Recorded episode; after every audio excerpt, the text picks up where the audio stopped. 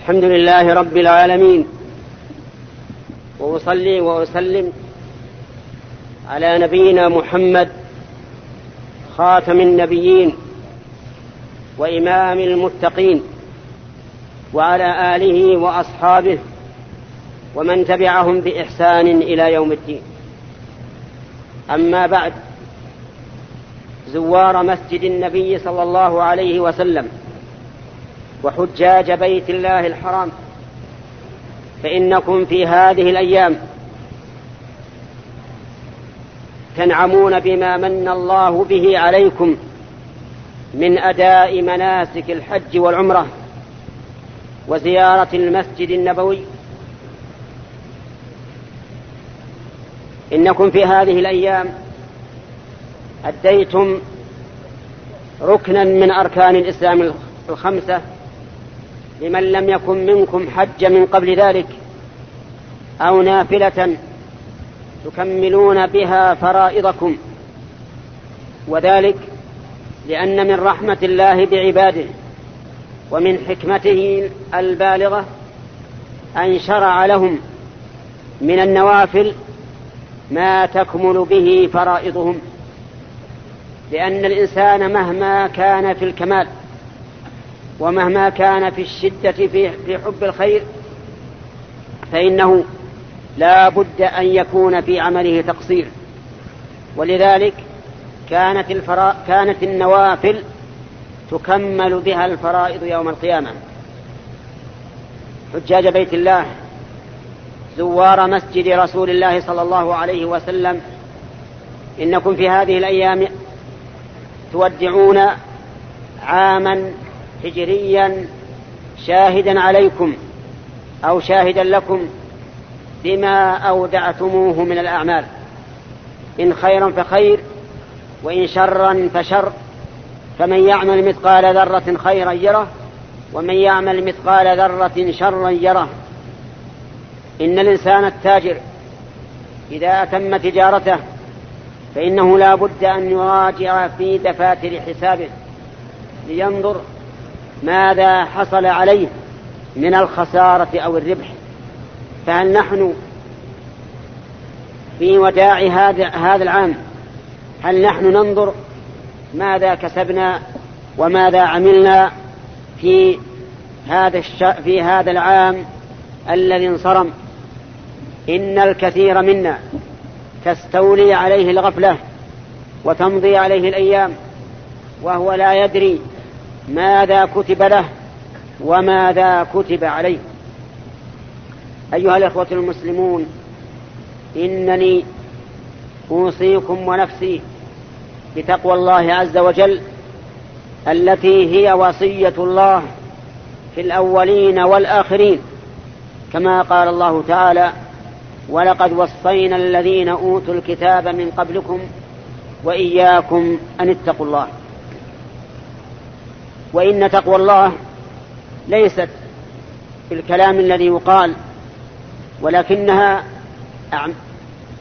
عقائد وأقوال وأعمال تنجي الإنسان من عذاب الله وتقيه من النار. فالتقوى أن يتخذ الإنسان ما يتقي به عذاب الله بفعل أوامر الله واجتناب نواهيه.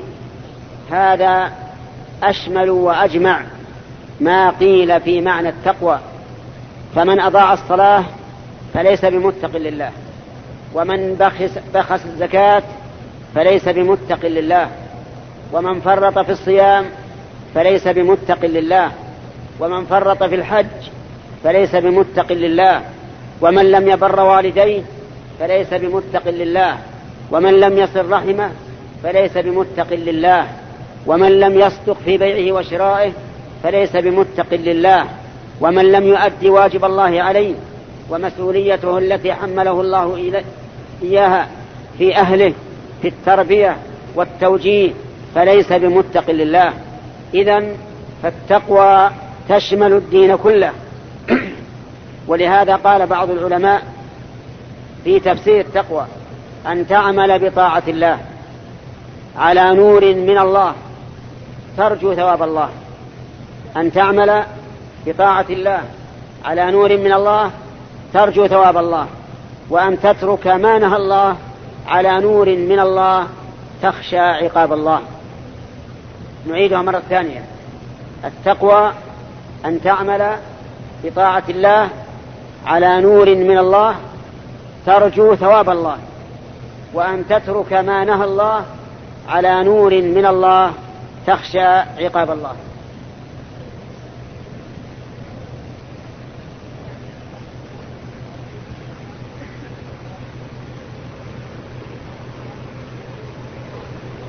أحسنت.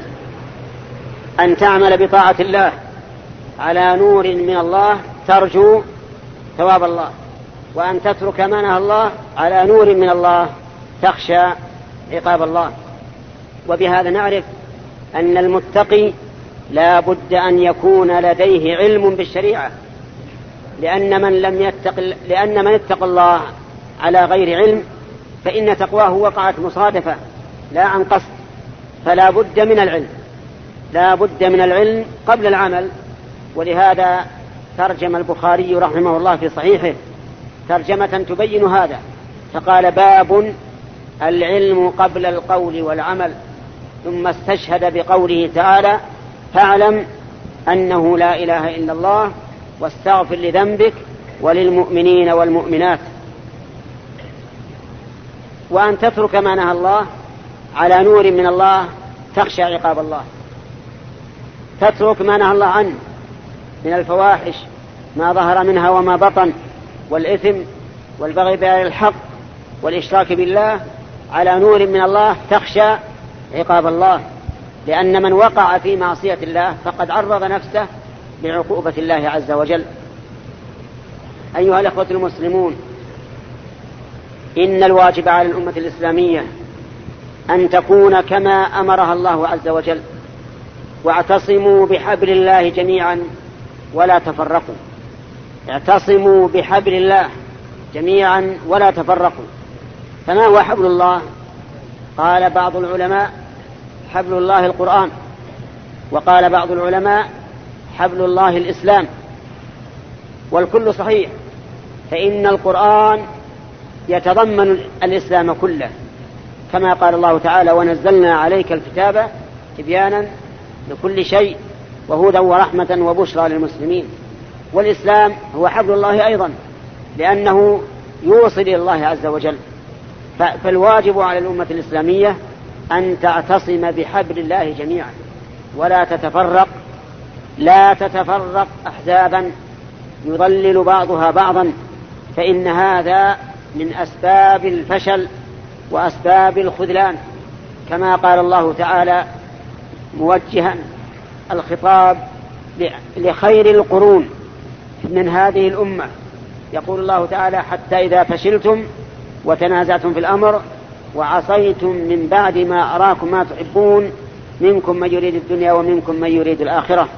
الشاهد من هذه الآية قوله وتنازعتم في الأمر وإنه ليؤسفنا كثيرا أن نرى الأمة الإسلامية اليوم متفرقة أن نرى الأمة الإسلامية اليوم متفرقة أحزابا يضلل بعضها بعضا وينكر بعضها على بعض في أمور كان الواجب عليهم أن يجتمعوا لمناقشتها حتى يتحدوا عليها وحتى تقوم البينة على من خالف الحق. لأن من خالف الحق قد يكون سبب مخالفته الحق عدم علمه بالحق. ولو أنه نوقش فيه لرجع إليه. إذا فلا بد من أن تجتمع الأمة الإسلامية على حبل الله عز وجل. اعتصموا بحبل الله جميعا ولا تفرقوا. إن الأمة الإسلامية إذا تفرقت سقطت هيبتها بين الأمم ولم يكن لها كيان تعتصم به ولم يكن لها أساس تعتمد عليه فلا يهابها الأعداء. بل إن الأعداء نعلم من سياستهم أنهم يحاولون جهد جهدهم أن يفرقوا جماعة المسلمين. إن الأعداء يحاولون كل المحاولة أن يفرقوا جماعة المسلمين لأنهم يعلمون أن الأمة الإسلامية لو اجتمعت على دين الله لا على ما تمليه أهواؤها عليها بل على دين الله لا لا لثلت عروش عروشهم وأسقطت دولهم.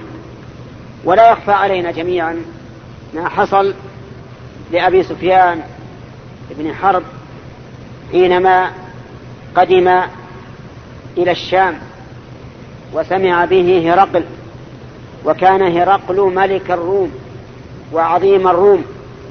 سمع به وكان هرقل رجلا ذكيا.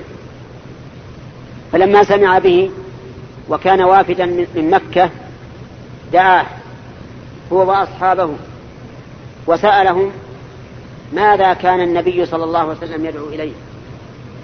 فأخبره أبو سفيان بما كان النبي صلى الله عليه وسلم يدعو إليه من عبادة الله وصلة الرحم والإحسان والعفاف وغير ذلك مما جاء به النبي صلى الله عليه وسلم. انتبه يا أخ. ولم يكذب أبو سفيان على النبي صلى الله عليه وسلم. ونعم. ولم يكذب أبو سفيان على النبي صلى الله عليه وسلم فيما أخبر به عنه هرقل بل علم بالصدق. مع أن أبا سفيان كان في ذلك الوقت عدوا لرسول الله صلى الله عليه وسلم لكن العرب لشيمهم وكرم أخلاقهم يرون أن الكذب عار. فلا, فلا يحب أبو سفيان أن يتحدث الناس عنه أنه كذب على النبي صلى الله عليه وسلم فيما أخبر به عنه. ولكن قال هرقل هل كان يغدر؟ يعني لا يوفي بالعهد. فرأى أبو سفيان هنا فرصة أن يلمز الرسول صلى الله عليه وسلم.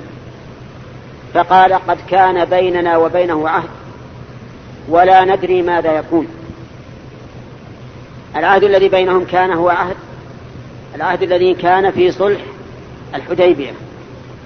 وأبو سفيان يقول لا ندري ماذا يكون متأولا وإلا فإنه يعلم علم اليقين أن الرسول صلى الله عليه وسلم كان أوفى الناس بالذمة. ثم قال هرقل انتبه للكلمة العظيمة. قال هرقل لأبي سفيان. إن كان ما تقول حقا فسيملك ما تحت قدمي هاتين. الله أكبر. هرقل عظيم الروم. يقول إن كان ما تقول حقا فسيملك يعني النبي صلى الله عليه وسلم ما تحت قدمي هاتين. مع أن الرسول في ذلك صلى الله عليه وسلم في ذلك الوقت كان ليس ذا شأن. بل إن قريشا منعت أن يدخل مكة ليعتمر. فلما خرج أبو سفيان قال لأصحابه لقد أمر أمر ابن أبي كبشة. أمر يعني عظم عظم. ومنه قوله تعالى لقد جئت شيئا إمرا. ما معنى إمرا؟ يعني عظيما. يعني عظيما. فمعنى أمر أمره يعني عظم أمره إنه ليخافه ملك بني الأصفر. إنه ليخافه ملك بني الأصفر ملك الروم. يعني في ذلك الوقت الروم يعتبر يعتبرون من الدول الكبرى.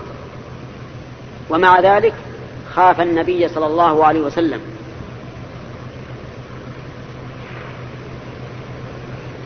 وإني أسأل الآن هل هل النبي صلى الله عليه وسلم ملك ما تحت قدمي هرقل نعم. ملكه؟ قد توفي النبي صلى الله عليه وسلم قبل أن تفتح الشام. ها. لكن ملكه بخلفائه ودينه فإن خلفاءه فتحوا الشام. وفتحوا العراق وبلغوا مشارق الأرض ومغاربها بدين الله. ولو أن الأمة الإسلامية اليوم تمسكت بما كان عليه الرسول صلى الله عليه وسلم لملكت مشارق الأرض ومغاربها. لخافها رؤساء الغرب والشرق. إذا من هذا المكان ومن مسجد رسول الله صلى الله عليه وسلم ندعو علماء الأمة الإسلامية إلى أن يحاولوا بكل جهدهم جمع كلمة المسلمين.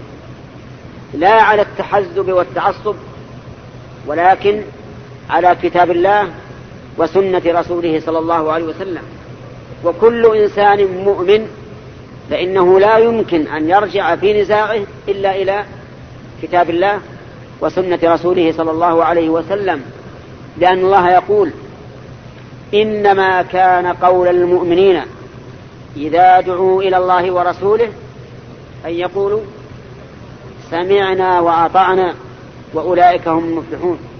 إذا دعوا إلى الله إلى كتابه وإلى رسوله إلى نفسه في حياته وإلى سنته بعد وفاته أن يقولوا سمعنا وأطعنا.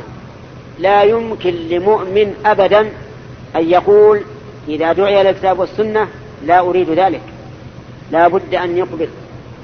ولهذا قال قال تعالى في آية أخرى فلا وربك لا يؤمنون حتى يحكموك فيما شجر بينهم ثم لا يجدوا في أنفسهم حرجا مما قضيت ويسلموا تسليما. في هذه الآية عدة توكيدات. من يردها لي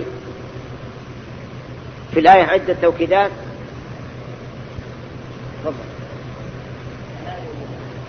لا هذا ما هي توكيد. الآية فلا وربك لا يؤمنون. فيما شجر بينهم.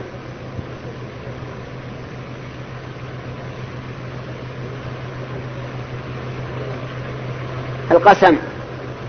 ها؟ ها؟ فلا وربك لا يؤمنون. أين النفي؟ النفي نفي الإيمان لا يكفي في التوكيد. أسرع. فلا وربك لا يؤمنون حتى يحكمون. ماذا ترون؟ لو كان لفظ الآية فوربك لا يؤمنون. أيستقيم الكلام؟ نعم يستقيم. لكن جاءت لا للتنبيه والتوكيد. كما في قوله تعالى لا أقسم بهذا البلد المعنى أنه يقسم بهذا البلد وليس ينفي القسم به لكن لا هنا تأتي للتنبيه والتأكيد. انظر أكدت هذه الجملة بلا وبالقسم وبربوبية الله تعالى لرسوله لأن ربوبية الله لرسوله ربوبية خاصة ليست كالربوبية العامة. الله رب كل شيء. كما قال تعالى إنما قل إنما أمرت أن أعبد رب هذه البلدة الذي حرمها وله كل شيء. لكن ربوبيته للنبي صلى الله عليه وسلم ليست كربوبيته لعامة الناس.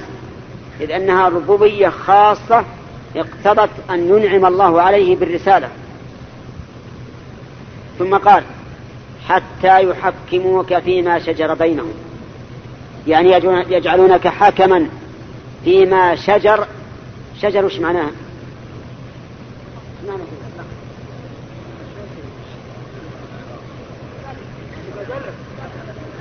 الشجر النزاع فيما شجر بينهم. يعني في النزاع الذي يكون بينهم. ثم لا يجدوا في أنفسهم حرجا مما قضيت. يعني لا يكفي التحكيم لأنه ربما نتحاكم إلى القاضي لكن إذا حكم علي صار في نفسي ضيق وحرج. يقول هنا ثم لا يجدوا في أنفسهم حرجا مما قضيت. ثالثا ويسلموا تسليما يبادر بتنفيذ الحكم. لا يكفي أن يقبل الحكم وأن لا يكون في نفسه حرج بل لا بد أن يسلم تسليما. ومعنى يسلم تسليما يعني نعم ينفذ الحكم ينفذ الحكم تنفيذا تاما. مثال ذلك تشاجر رجلان في مسألة ما من مسائل الدين. فمتى يكون الإيمان؟ هل الإيمان أن يتحاكم إلى رأي أحمد بن حنبل أو الشافعي أو مالك أو أبي حنيفة أو الثوري أو ابن حزم أو غيرهم من العلماء أو مقتضى الإيمان أن يتحاكموا إلى إيه؟ إلى الكتاب والسنة. طيب. تحاكم الرجلان إلى الكتاب والسنة. وصار الحكم موافقا لأحدهما دون الآخر. والذي لم يوفق للصواب صار في نفسه حرج.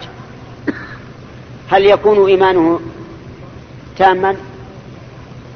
أجيبوا يا جماعة. لا. لماذا؟ صار في قلبه حرج ولا بد أن يكون القلب منشرحا بحكم الله ورسوله. طيب. ثالثا حكم الكتاب والسنة.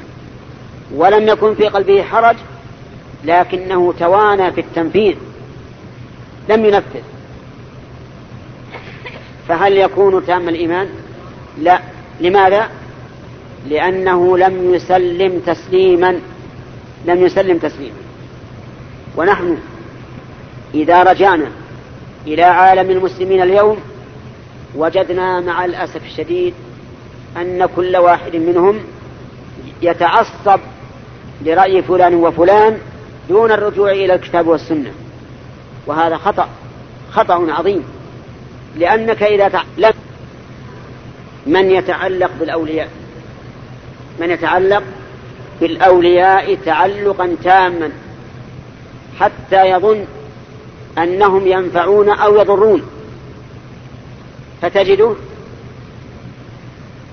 عند الشدائد يرجع إلى الأولياء. عند الشدائد يرجع إلى الأولياء يدعوهم ويستغيث بهم ويستنصر بهم وينسى من؟ ينسى الله. طيب. نقول أنت الآن مسلم. يعني بمعنى أنك تنتسب للإسلام. والمنتسب للإسلام لمن يجعل التحكيم؟ نعم. لله ورسوله. لله ورسوله. تفضل. بيننا وبينك كتاب الله. من سيد الأولياء؟ لا الله مو سيد الأولياء الله السيد له السيادة المطلقة.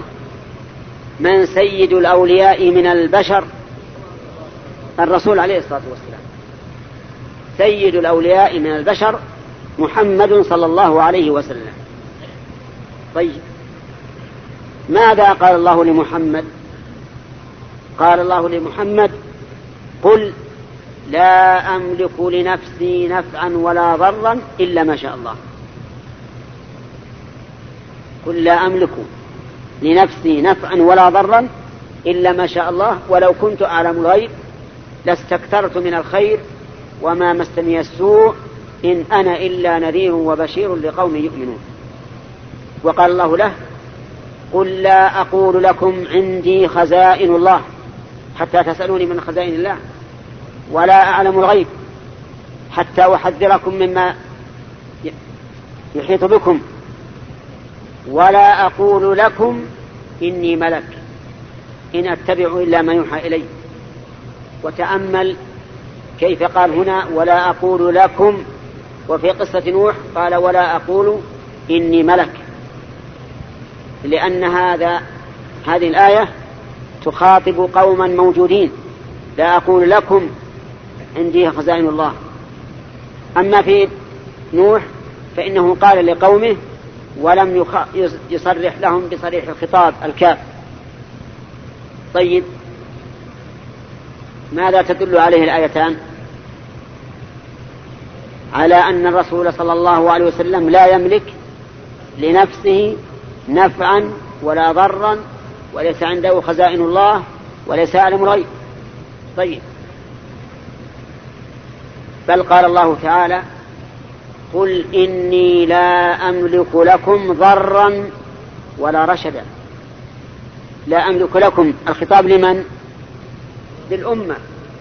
قل الخطاب الرسول لا أملك لكم للأمة ضرا ولا رشدا. فلا أملك أن أضركم بشيء ولا أن أرشدكم إلى شيء. زد على ذلك قوله قل إني لا لن يجيرني من الله أحد ولن أجد من دونه ملتحدا. يعني لو أرادني الله بسوء ما منعني أحد. ولم أجد ملتحدا ألجأ إليه سوى الله إلا بلاغا من الله ورسالاته. يعني ليس وظيفتي إلا البلاغ من الله ورسالاته. هذا هذا وهو سيد إيش؟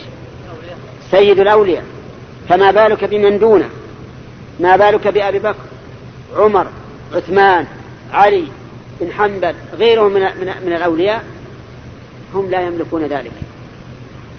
وسبحان الله يا إخواني إنسان يذهب إلى قبر ويسأل صاحب القبر ويستشفع به ويستنصر به ويستغيث به ويدع من بيده ملكوت كل شيء. سبحان الله. أين العقول؟ أين العقول فضلا عن الدين؟ صاحب هذا القبر ألم تعلم أنه كان مثلك؟ يأكل ويشرب ويمشي في الأسواق ويؤلمه البرد ويزعجه الحر. ألم تعلم أنه مات؟ وصار جسمه جسدا لا روح فيه. وحمله أشفق الناس عليه ودفنوه. كل هذا كان. فكيف تأتي الآن الآن وتدعو صاحب هذا القبر هذا سفه في العقل وضلال في الدين. قال الله تعالى ومن يرغب عن ملة إبراهيم إلا من سفه نفسه. وما ملة إبراهيم؟ ملة إبراهيم ما ذكره الله بقوله ثم أوحينا إليك أن اتبع ملة إبراهيم حنيفا وما كان من المشركين. لم يكن مشركا يوما من الدهر بل كان يدعو إلى عبادة الله ويبرأ ممن يعبدون غير الله وإذ قال إبراهيم لأبيه وقومه إيش؟ إنني براء مما تعبدون إلا الذي فطرني فإنه سيهدين وقال تعالى وما كان استغفار إبراهيم لأبيه إلا عن موعدة وعدها إياه فلما تبين له أنه عدو لله تبرأ منه. إن إبراهيم إن إبراهيم لأواه حليم. طيب إذن يا إخواني الملة الحنيفية هي البعد عن الشرك وأن لا يشرك الإنسان بالله أحدا لا رسولا ولا نبيا ولا ملكا ولا وليا ولا إماما ولا غير ذلك لأن كل هؤلاء لا يملكون لأنفسهم نفعا ولا ضرا فضلا عن أن يملكوا ذلك لغيرهم. فإن قال قائل إنه يوجد من الناس من يأتي إلى القبر ويسأل صاحب القبر أن يشفيه من المرض فيشفى. يشفى. فما الجواب عن ذلك؟ الجواب عن ذلك أولا أن نطالب بصحة النقل انتبهوا يا جماعة هذه مفيدة لطالب العلم يوجد دعاوي كثيرة كذب فأولا نطالب بماذا؟ بصحة النقل من قال هذا؟ من قال أن إن شخصا دعا وليا في قبره فاستجيب له من قال هذا؟ هذا أول نقطة. فإذا قدر أن النقل صحيح ولكن صح ولكني أقول إن قدر أما أن يقع فهذا بعيد. لكن إن قدر فإنما حصل ذلك عند دعائه لا بدعائه. انتبه يا ولد. إنما حصل ذلك إيش؟ عند دعائه لا بدعائه. وفرق بين ما يحصل عند الشيء وما يحصل في الشيء. أرأيت لو أن شخصا قدم إلى بلد ونزل المطر حين قدومه هل يقال إن المطر نزل بقدومه أو عند أو عند قدومه؟ نعم عند قدومه. لا بقدومه. فإذا قدر أن شخصا دعا وليا في قبره فشفي من مرضه فإن هذا ليس لدعائه لهذا الولي بل هو إيش؟ عند دعائه لهذا الولي. فإن قال قائل هذه دعوة منك. لأننا نقول بل إن الشفاء بدعائه لا عنده لأن الأصل أن يضاف الشيء إلى سببه الظاهر. أنتم معي يا جماعة؟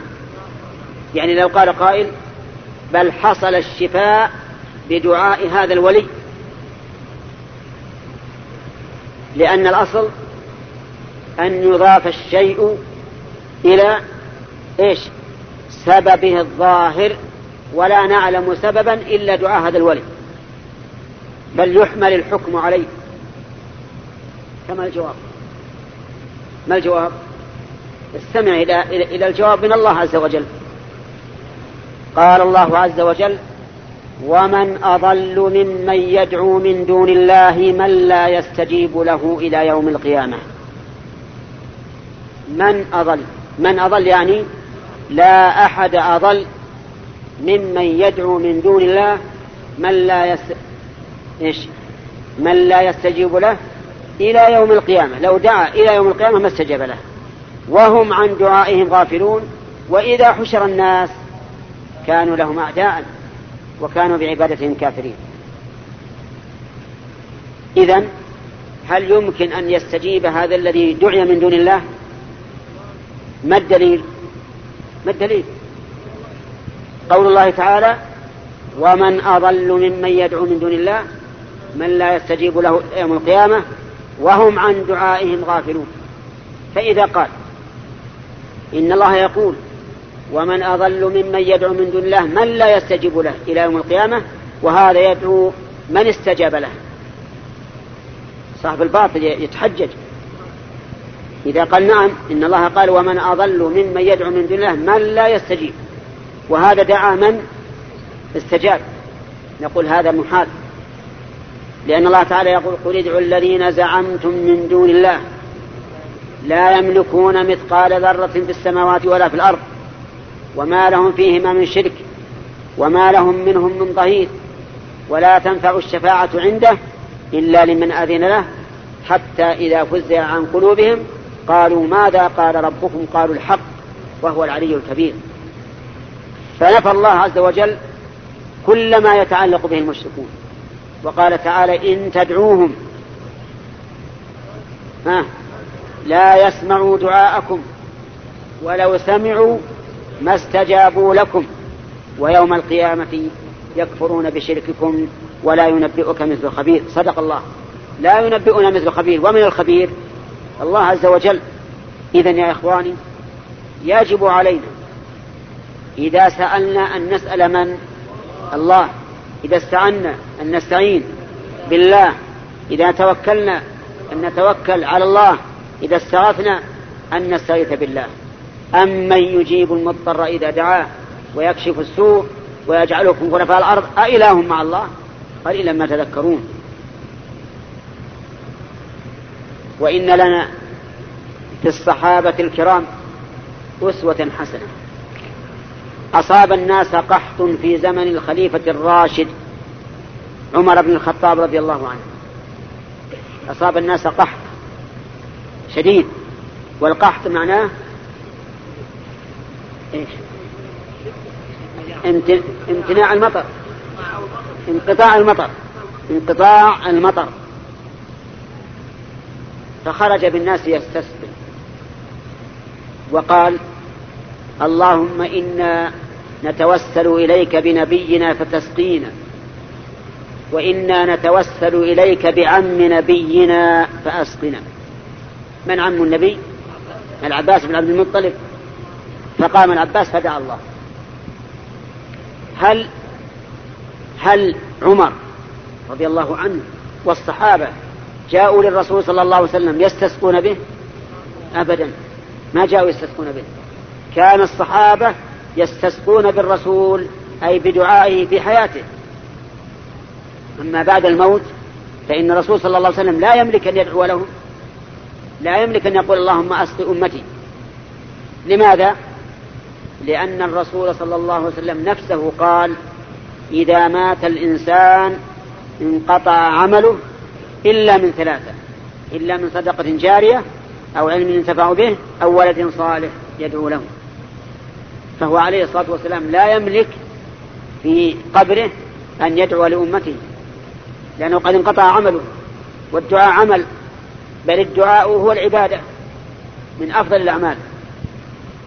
فالصحابة رضي الله عنهم أفقه منا في دين الله وأعلم منا بما يصلح عباد الله ومع ذلك لم يأتوا إلى قبر النبي صلى الله عليه وسلم يستسقون بالرسول صلى الله عليه وسلم أبدا. وإنما كانوا يستسقون به في حياته بدعائه بدعائه. ولم نسمع أن أحدا منهم قال اللهم أسقنا بنبيك. بل كانوا يأتون إليه يسألون أن يدعو الله لهم. ففي الصحيحين عن أنس بن مالك رضي الله عنه قال دخل رجل والنبي صلى الله عليه وسلم يخطب يوم الجمعة. استمع لهذا الحديث استمع لهذا الحديث. دخل رجل والنبي صلى الله عليه وسلم يخطب يوم الجمعة فقال يا رسول الله هلكت الأموال وانقطعت السبل السبل هي أخ نان. قم توضأ هلكت الأموال وانقطعت السبل. فادعوا الله يغيثنا. فادعوا الله يغيثنا فرفع النبي صلى الله عليه وسلم يديه ورفع الناس أيديهم وقال اللهم أغثنا ثلاث مرات. اللهم أغثنا اللهم أغثنا اللهم أغثنا.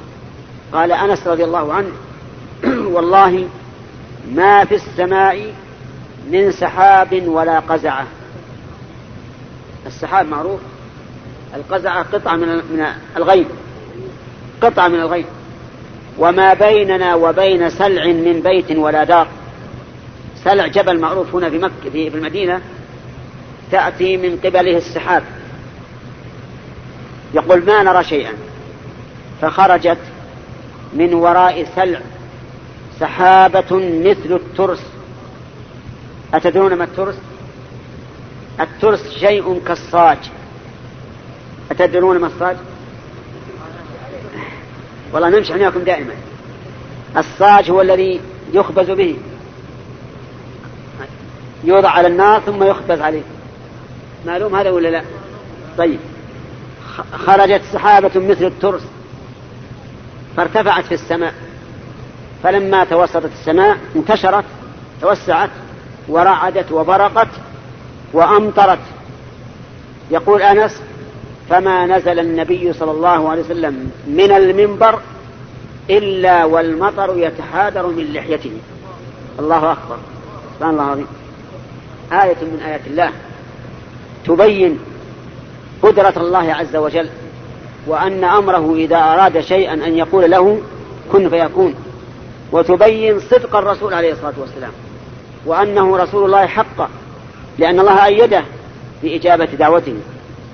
فبقي المطر ينزل من السماء أسبوعا كاملا. أسبوعا كاملا. والسماء منهمر ماؤها.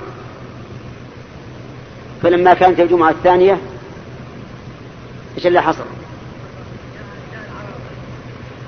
لما كانت الجمعة الثانية جاء رجل أو الرجل الأول فقال يا رسول الله تهدم البناء وغرق الماء البناء تهدم لأنه من الطين. تهدم من كثرة الأمطار وغرق الماء الزروع غرقت بكثرة المياه. المواشي ربما تجترفها الشعاب. فادعوا الله يمسكها عنا. شوف سؤال الأعرابي. ادعوا الله يمسكها عنا.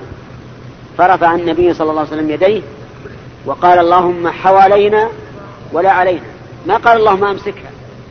ليش؟ لأن إمساك المطر قد يكون فيه ضرر. لكن الرسول دعا بما فيه المنفعة ودفع الضرر. قال اللهم حوالينا ولا علينا. وجعل يشير حوالينا فجعل السحاب كلما أشار إلى ناحية تفرق. تفرق إلى الناحية الأخرى. كأنما الرسول يأمره لكن لا يأمره.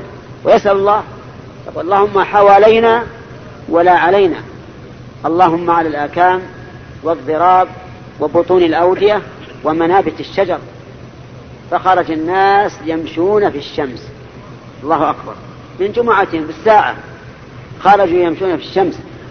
إذا هذا استسقاء بالرسول صلى الله عليه وسلم بذاته أو بدعائه؟ أجيبوا يا جماعة. بذاته ولا بدعائه بدعائه وهو بعد موته لا يدعو كما ذكرنا لكم في الحديث.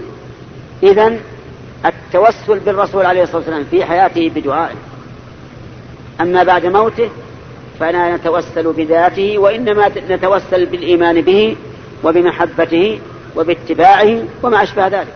طيب. ذكرنا أن في هذه القصة تأييدا للرسول صلى الله عليه وسلم. ذكرنا أن فيها تأييدا للرسول صلى الله عليه وسلم. صح؟ لأن الله إيش؟ أجاب دعوته. أذكر بالمقابل تفنيدا لدعوى الكاذب. تفنيدا لدعوى الكاذب. مسيلمة الكذاب الذي ادعى النبوة في آخر حياة النبي صلى الله عليه وسلم وقاتله الصحابة, الصحابة وقتلوه والحمد لله. يقال إنه دعي إلى بئر قد غار ماؤها. إلى بئر قد غار ماؤها. من أجل البركة. فدعا بماء فوضعه في فمه وتمضمض به ثم مجه في البئر. وكانت البئر فيها ماء قليل. لما مج الماء من فمه في البئر. أتدرون ماذا صار؟ غار الماء كله غار الماء كله. وهو يريد من هذا أن يفور الماء لكن الماء غار. أما النبي عليه الصلاة والسلام فإنه نبع الماء من بين أصابع يده. في غزوة الحديبية قل الماء. وغزوة الحديبية كانت في السنة. إيش؟ أي سنة؟ السادسة من الهجرة. قل الماء فجيء إلى النبي عليه الصلاة والسلام وقالوا يا رسول الله الماء قليل. ما في ما نسقي الإبل ولا نشرب ولا نتوضأ. وكان بين يديه ركوة الركوة إناء من جلد صغير. وكان فيها ماء فوضع يده في الركوة وجعل الماء ينبع من بين أصابعه. كالعيون كالعيون فاستقوا. وسقوا الركاب وتوضأوا وكان عددهم ألفا وأربعمائة رجل الله أكبر. نبع الماء مما, مما ليس منبعا للماء. منين نبع الماء؟ من جلد. من الجلد. وهذا أعظم من الآية التي أعطاها الله موسى. موسى كان يضرب الحجر بالعصا فتنبع عيون لكن الحجر جرت العادة بأنه يتفجر. مياها. كما قال تعالى وإن من الحجارة لما يتفجر منه النهار لكن الركوة جلد حيوان ليس من العادة أن ينبع منها الماء. فكان مسيلمة الكذاب يظن أنه سيكون له مثل الرسول عليه الصلاة والسلام. وجيء إليه برجل بصبي صبي. فيه قزع في رأسه. أتدرون ما القزع؟ إيش القزع لا مو حلق. فيه قزع في رأسه يعني بعضه نابت نابت فيه الشعر وبعضه ما فيه الشعر. ما فيه الشعر. نعم. فجاءوا إليه يريدون منه أن يمسح على رأسه فينبت بقية الرأس. فلما مسح الرأس راح الشعر الموجود راح. حتى الشعر الموجود. هذا لا شك إنه خارق للعادة خارق للعادة. يعني ليس من العادة إن الإنسان إذا مسح رأس نزل الشعر. لكن هل المراد بهذا الخارق التفنيد أو